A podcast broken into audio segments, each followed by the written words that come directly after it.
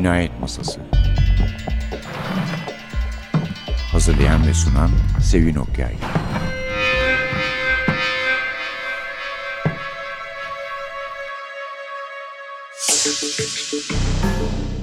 Merhaba.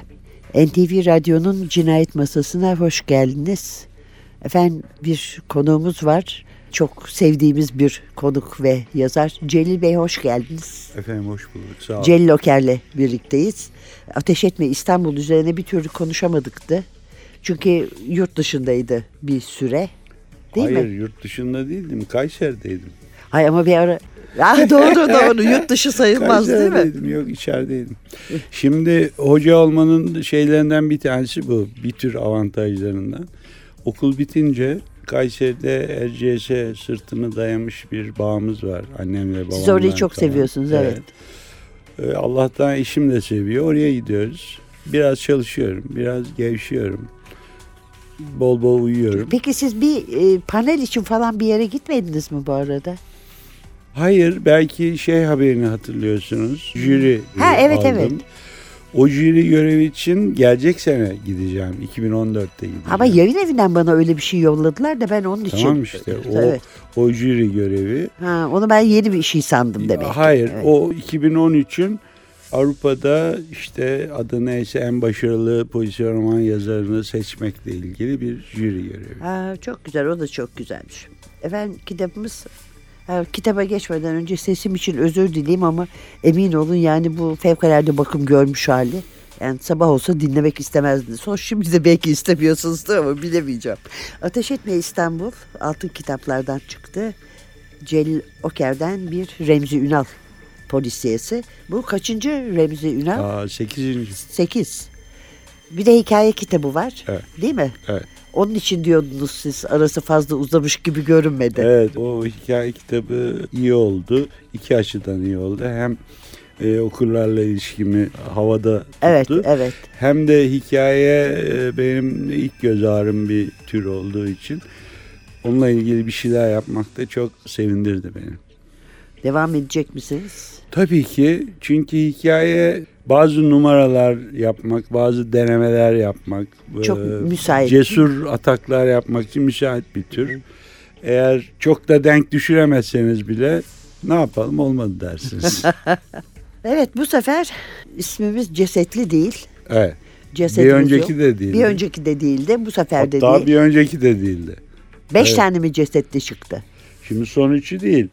Nedir? Yenik ve yalnız bir şapka bir tabanca. Doğru. Ondan Onlar öncekiler Kramponlu ceset, ceset. çıplak Evet, ceset, Evet, rol çalan evet. ceset. Onları niye başlamıştınız, niye bıraktınız? Bir düşünerek mi yoksa? Tabii tabii. Şimdi başlangıçta daha yeniyken ve e, hiç kimse ne beni ne Remzi Ünal'ı tanımıyorken bunun bir dizi olacağı ve devamının geleceği hissini vermek için ilk iki kitapta cesetli koyduk. Zaten bu devamını geleceğini hissettirmek için birinci kitaptan sonra hemen ikinciye çalışmaya başladım. Arası açılmasın diye. Ve Ah, biz de e, hep öyle gidecek sandık doğru. o kadar da olamıyor tabii. Ee, Raşit Çavaş sağ olsun. Şey sağ olsun. E, yayın adı aklıma gelmedi o zaman. Oğlak. Ee, Oğlak Evet. sağ olsun. Birinciden sonra ikinciyi de hemen e, yayınlayınca öyle bir his o oldu. Dört tanesi aynı formüllü isimlerle yayınlandı. Ama sonra bir baktım ki birisiyle konuşurken röportajlarda bile o kitapların isimlerini ayrı ayrı söylemiyorum da birinci kitap, ikinci kitap, dördüncü kitap diyorum. Bu hafif canımı sıktı ve hepsinin normal Böyle bildiğimiz. Evet. adları olsun istedim.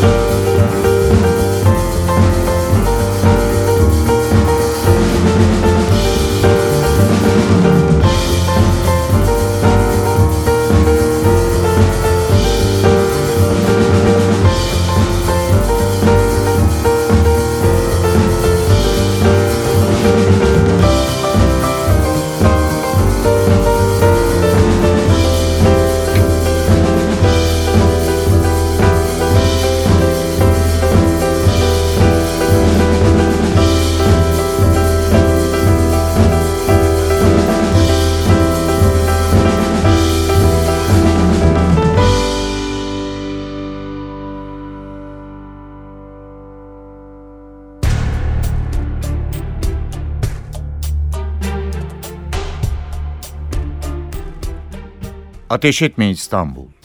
Uyandım. Çok zor uyandım. Öyle derin uyuduğumdan değil. Gece boyu en az on kere uyandığımdan. Geceden ne kaldıysa daha doğrusu. Kaçta yatağa doğru uçtuğumu hatırlamıyorum. Ne kadar içtiğimi de. İnsan eski dostlarını kaybedince daha eski dostlarını çağırıyor. Yatak sertti. Battaniyenin altından dönüveren nevresim belli belirsiz kokuyordu. Yastığıma alışamamıştım. Bunların hiçbirini umursamayacak kadar yorgundum. Hafif başım dönüyordu. Başım ikiye katladığım yastığa değer değmez bayılmışım. Uyumadan önce ne yaşadığım günü, ne yaşayacağım günü gözümün önünden geçirebildim. Oradan biliyorum. Pencerenin önünden geçen araçların motor gürültüsünü bir süre sonra duymaz oluyordunuz da peş peşe kornalar dayanılmazdı. Uyarı kornaları, çağırma kornaları, itiraz kornaları, küfür kornaları. Küfür kornalarında istisnasız uyanıyordum. Bir küfürde ben sallıyordum. Yüzümü yastığa gömüyordum. Bir sonrakine kadar dalıyordum. Üst kattan gelen topuk sesleri başka bir işkenceydi. Çoğunlukla o sivri uçlu ayakkabıların içine ayaklarını nasıl sığdırdıklarını tam olarak anlamadığım kadınların gülüşmeleri karışıyordu. Tıkır tıkır topuk seslerine.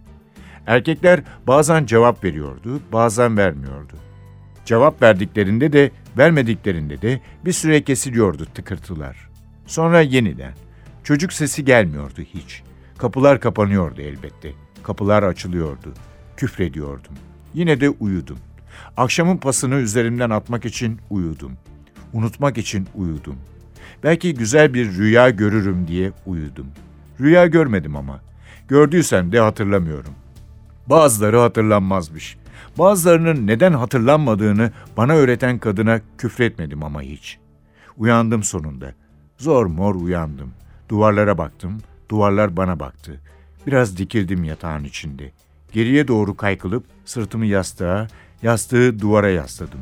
Sola doğru eğilerek sigara paketime uzandım. Son sigaramı aldım içinden. Yatmadan önceki akıllı davranışım için kendimi tebrik ettim. Sigaramı yaktım, paketin ağzını biraz genişlettim, kül tablası olsun diye. Gerçek olanı uzaktaydı. İlk nefesi içime çektikten sonra kendimi bir kere daha tebrik ettim. Dünya daha dayanılır hale geldi. 10 miligram zifir, 0,8 miligram nikotin ve 10 miligram karbon monoksitin bir nefes dumanın içine sığan miktarı akciğerlerimden vücuduma dağılınca. Biraz kötülük iyi gelir dedim kendi kendime. İyi geldi. Dört nefes sonra dün sabahki Remzi Ünal kalktı, geldi bir yerlerden. Nereden geldiyse. Dün sabahki, önceki sabahki, daha önceki sabahki. Bugün ne yapacağını bilemeyen yani. Olsun, bendim ya, ben, Remzi Ünal. Sonra kalktım, sigaramı söndürüp içinde yatmayı hak ettiği kefenine yerleştirdim. Avucumda sıktım paketi. Çöp kutusuna attım. Daha da insanlaşmak için şimdi bir kahveye ihtiyacım vardı. Dışarıdan bir küfür kornası daha geldi. Ardından bağırışmalar. Bu sefer küfür etmedim. Üst kattan da topuk tıkırtısı gelmiyordu. Banyoya gittim, yüzümü uzun uzun yıkadım. Suyu bol kullanınca giderek daha soğuk akmaya başladı. Saçlarımı, ensemi, dirseklerimi iyice ıslattım. Yüzümden damlalar akıtarak geri döndüm. Pantolonumu yatağa girmeden önce saldığım köşeden alıp giydim. Üzerime ne giyeyim diye düşünmedim bile. Siyah tişörtümün eteklerini pantolonun üzerine çıkardım sadece. Saatim kolumdaydı.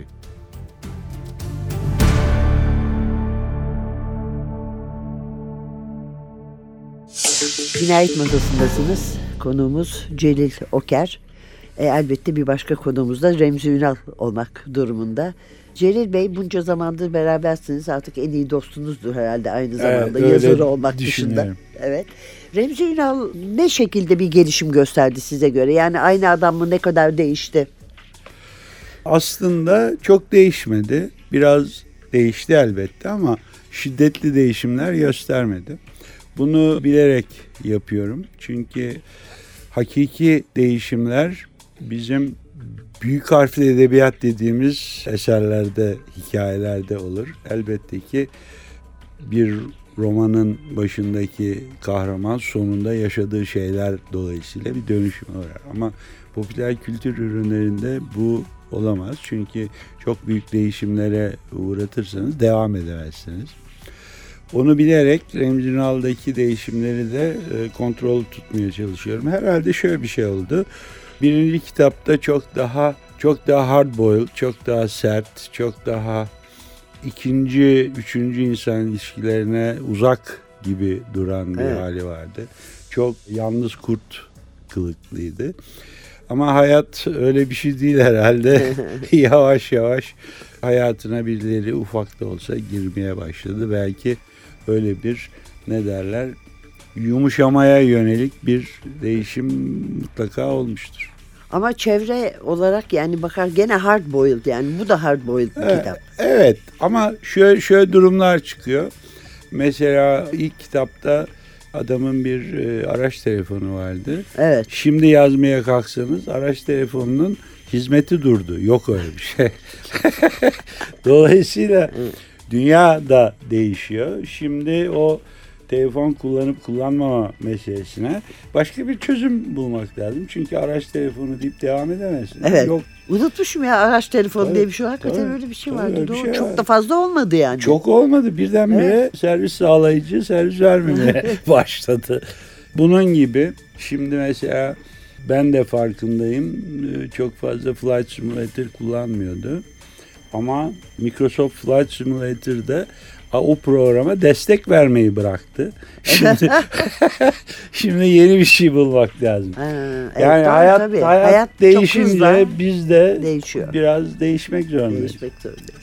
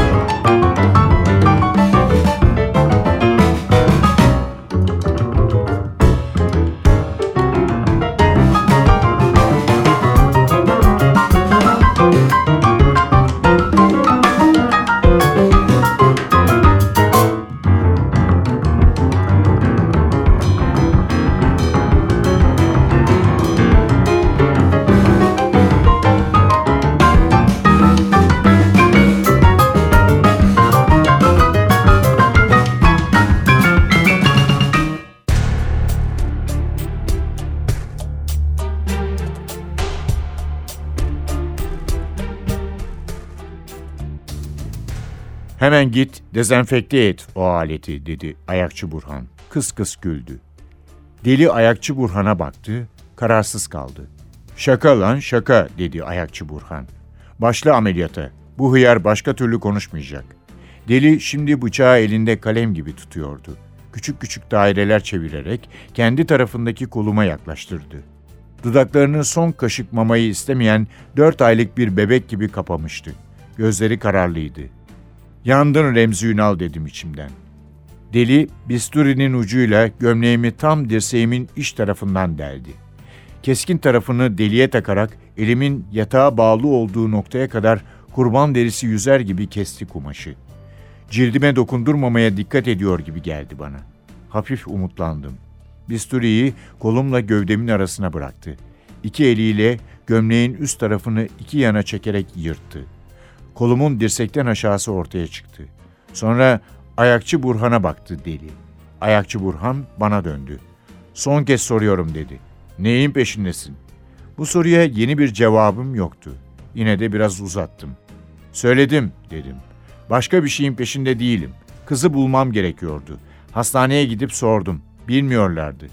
Hemşirenin adresini nişanlısı vermişti. Ona gittim sordum. Bilmiyordu. Siz geldiniz konuşurken. Ayakçı Burhan yüzünü buruşturdu. Bu kadar mı? dedi. Bu kadar dedim. Bırakın bu filmlerdeki ayakları. Çekip gideyim yüzümü bir daha görmezsiniz. Ayakçı Burhan yatağın yanında yine elindekini çevirmeye başlayan sigara yoldaşıma seslendi. Yüzü ifadesizdi. Devam deli dedi. Devam o zaman. Delinin dudakları kımıldadı. Duymadım ama Bismillah çekişini okudum dudaklarından. Aletini koluma doğru yaklaştırdı. Birazdan kolumu kasmamın mı, gevşek bırakmamın mı daha iyi olacağına karar verecek kadar tıp bilgim yoktu. Dişlerimi sıktım ama. Deli çok derine inmemeye özen göstererek kolumun iç tarafını ortasından bileğime kadar ağır ağır çizdi.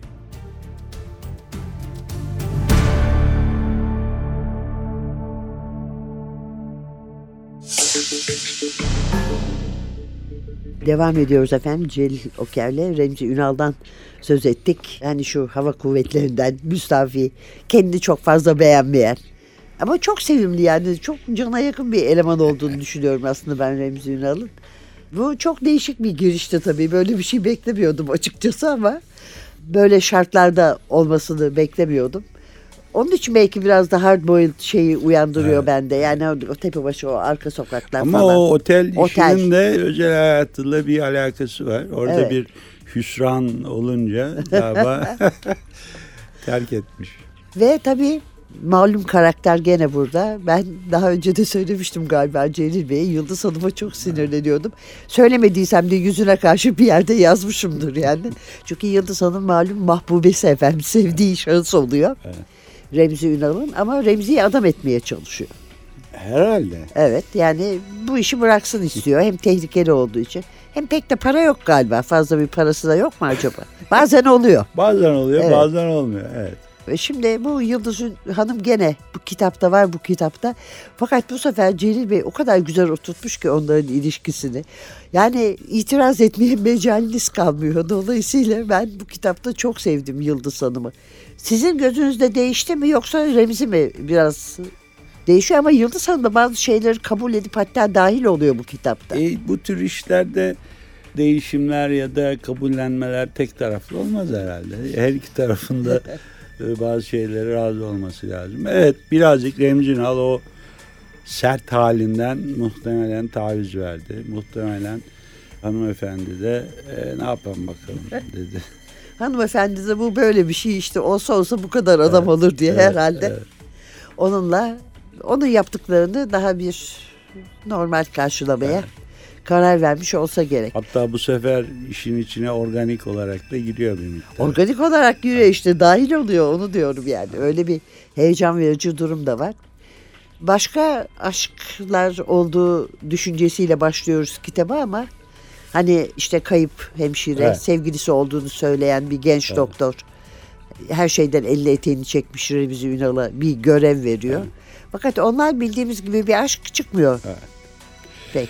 E zaten benim kitaplarımı okuyan insanların hemen fark edeceği şeyler şudur. kitapların başında kahramanın başına böyle şiddetli şeyler gelmez. Ona bir özel dedektif olarak düşen işler de ufak tefek işlerdir. Zaten kendine korsan gözüyle bakıyor. E tabi Evet. yani onu bul, bunu ara filan öyle şeyler.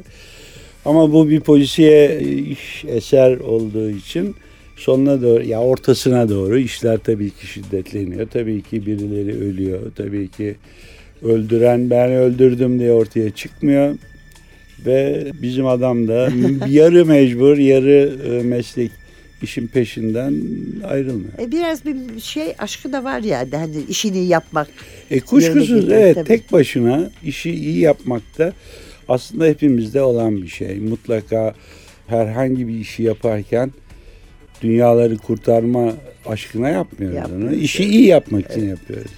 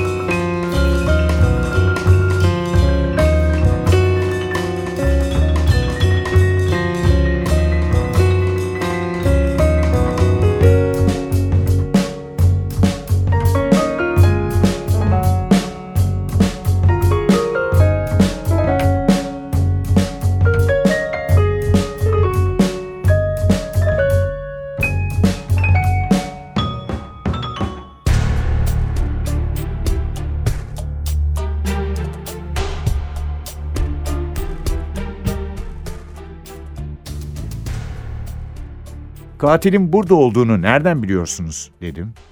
Kemal Arslan duraladı. Bu ihtimali hiç düşünmemiş gibi kararlılık dozu düşmüş bir sesle cevap verdi. Canım ne bileyim dedi. Hani işlerin gidişatına göre söyledim. Öylesine. Özel dedektif, olaya karışmış insanlarla toplantı falan. Önümdeki su bardağını açıp iki yudum içmeyi sonra erteledim. Onun yerine paketimi çıkardım cebimden. Kemal Aslan'a vereceğim cevabı düşünüyormuş gibi ağır ağır bir sigara çıkardım içinden.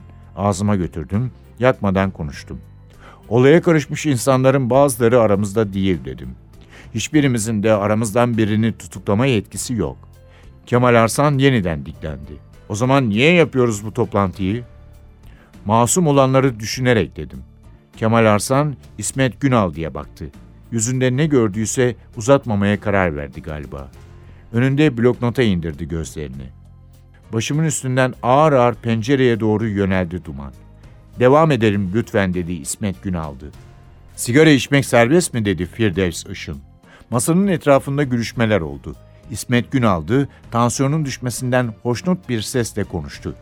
Remzi Bey'in biraz da emrivaki yaparak elde ettiği hakkı öteki nikotin bağımlılarından esirgemek doğru olmayacak galiba dedi. Ricam hepimiz birden içip içmeyenleri boğmayalım. Bana döndü, buyurun dedi. Masanın etrafında bana bakarak ağzımdan çıkacakları bekleyenleri teker teker süzdüm. Yeni güvenlik şirketinin operasyon müdürü Tarık'a baktım en son. Kollarını kavuşturmuştu göğsünde. Konuşulanları duymuyormuş gibi İsmet Günaldı'nın arkasındaki duvara dikmişti gözlerini. Kemal Bey'i anlıyorum dedim. Muhtemelen resmi sonuç çıkmayacak bir toplantıda saatler kaybetmek istemiyor. Haklı. Hepimizin işi gücü var. Toplantı odasındaki sessizliğin iyice kıvama gelmesini bekledim. Yeniden konuşmadan önce. Ağzımdan çıkan her kelimeyi vurgulayarak ağır ağır konuştum. Hilmi Akalın'ı bu masanın köşesinde oturan Firdevs Işın Hanım'ın yatak odasında göğsünden tek kurşunla vuran kimse çıksın ortaya. Dağılalım dedim. Gerçekten hepimizin işi gücü var. Sessizlik iyice koyulaştı. İnsanlar birbirine baktı. Kimse konuşmadı. Öksürmedi bile. Yeniden teker teker hepsinin yüzüne bakarak ciddi olduğumu gösterdim. Kısılmış gözleri ve sımsıkı kapanmış dudaklarıyla beni anladıklarını ama söz almaya niyetleri olmadığını söylediler bana. Bu kararlarını sınasınlar diye içimden beşe kadar sayarak bekledim. Pekala dedim süre bitince. Başlıyoruz.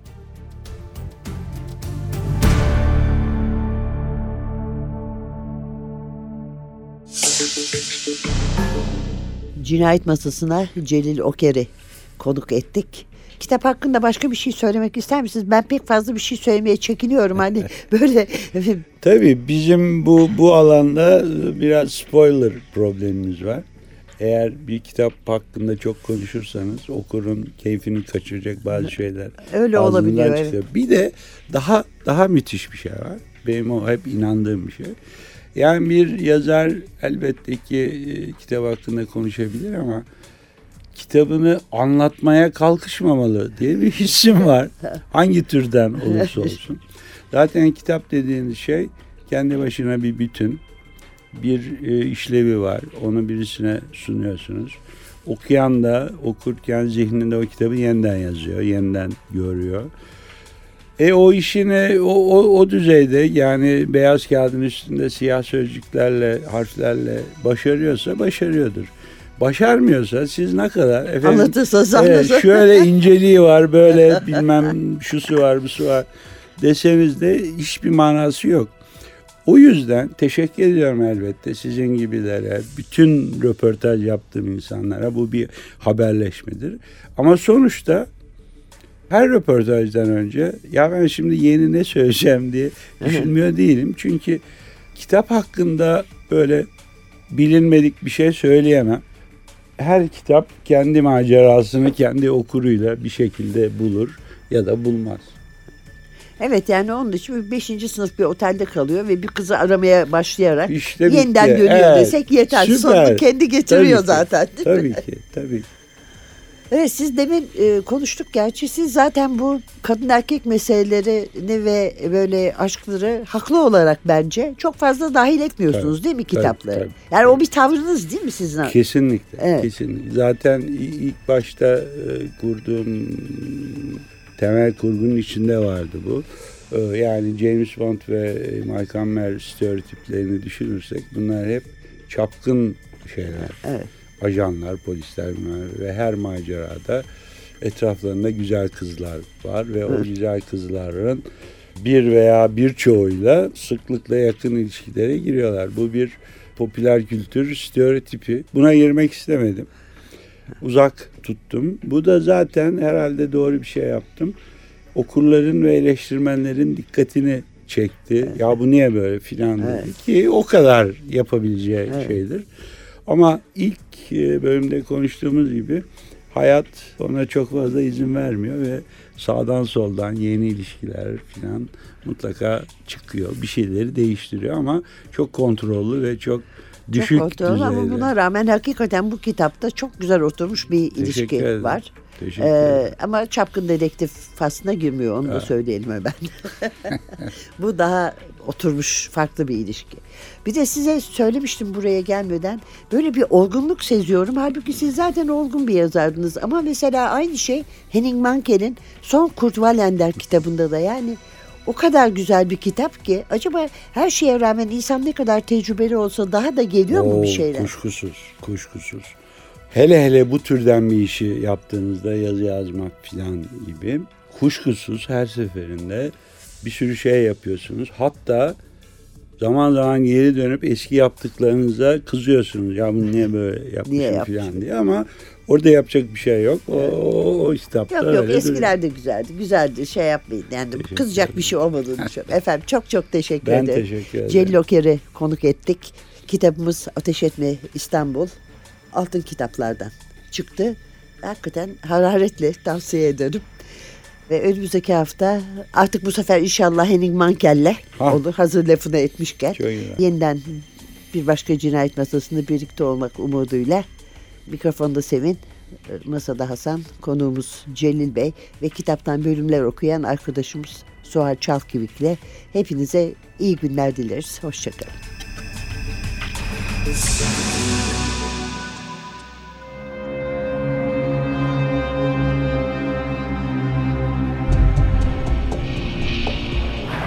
Cinayet Masası. Hazırlayan ve sunan Sevin Okyay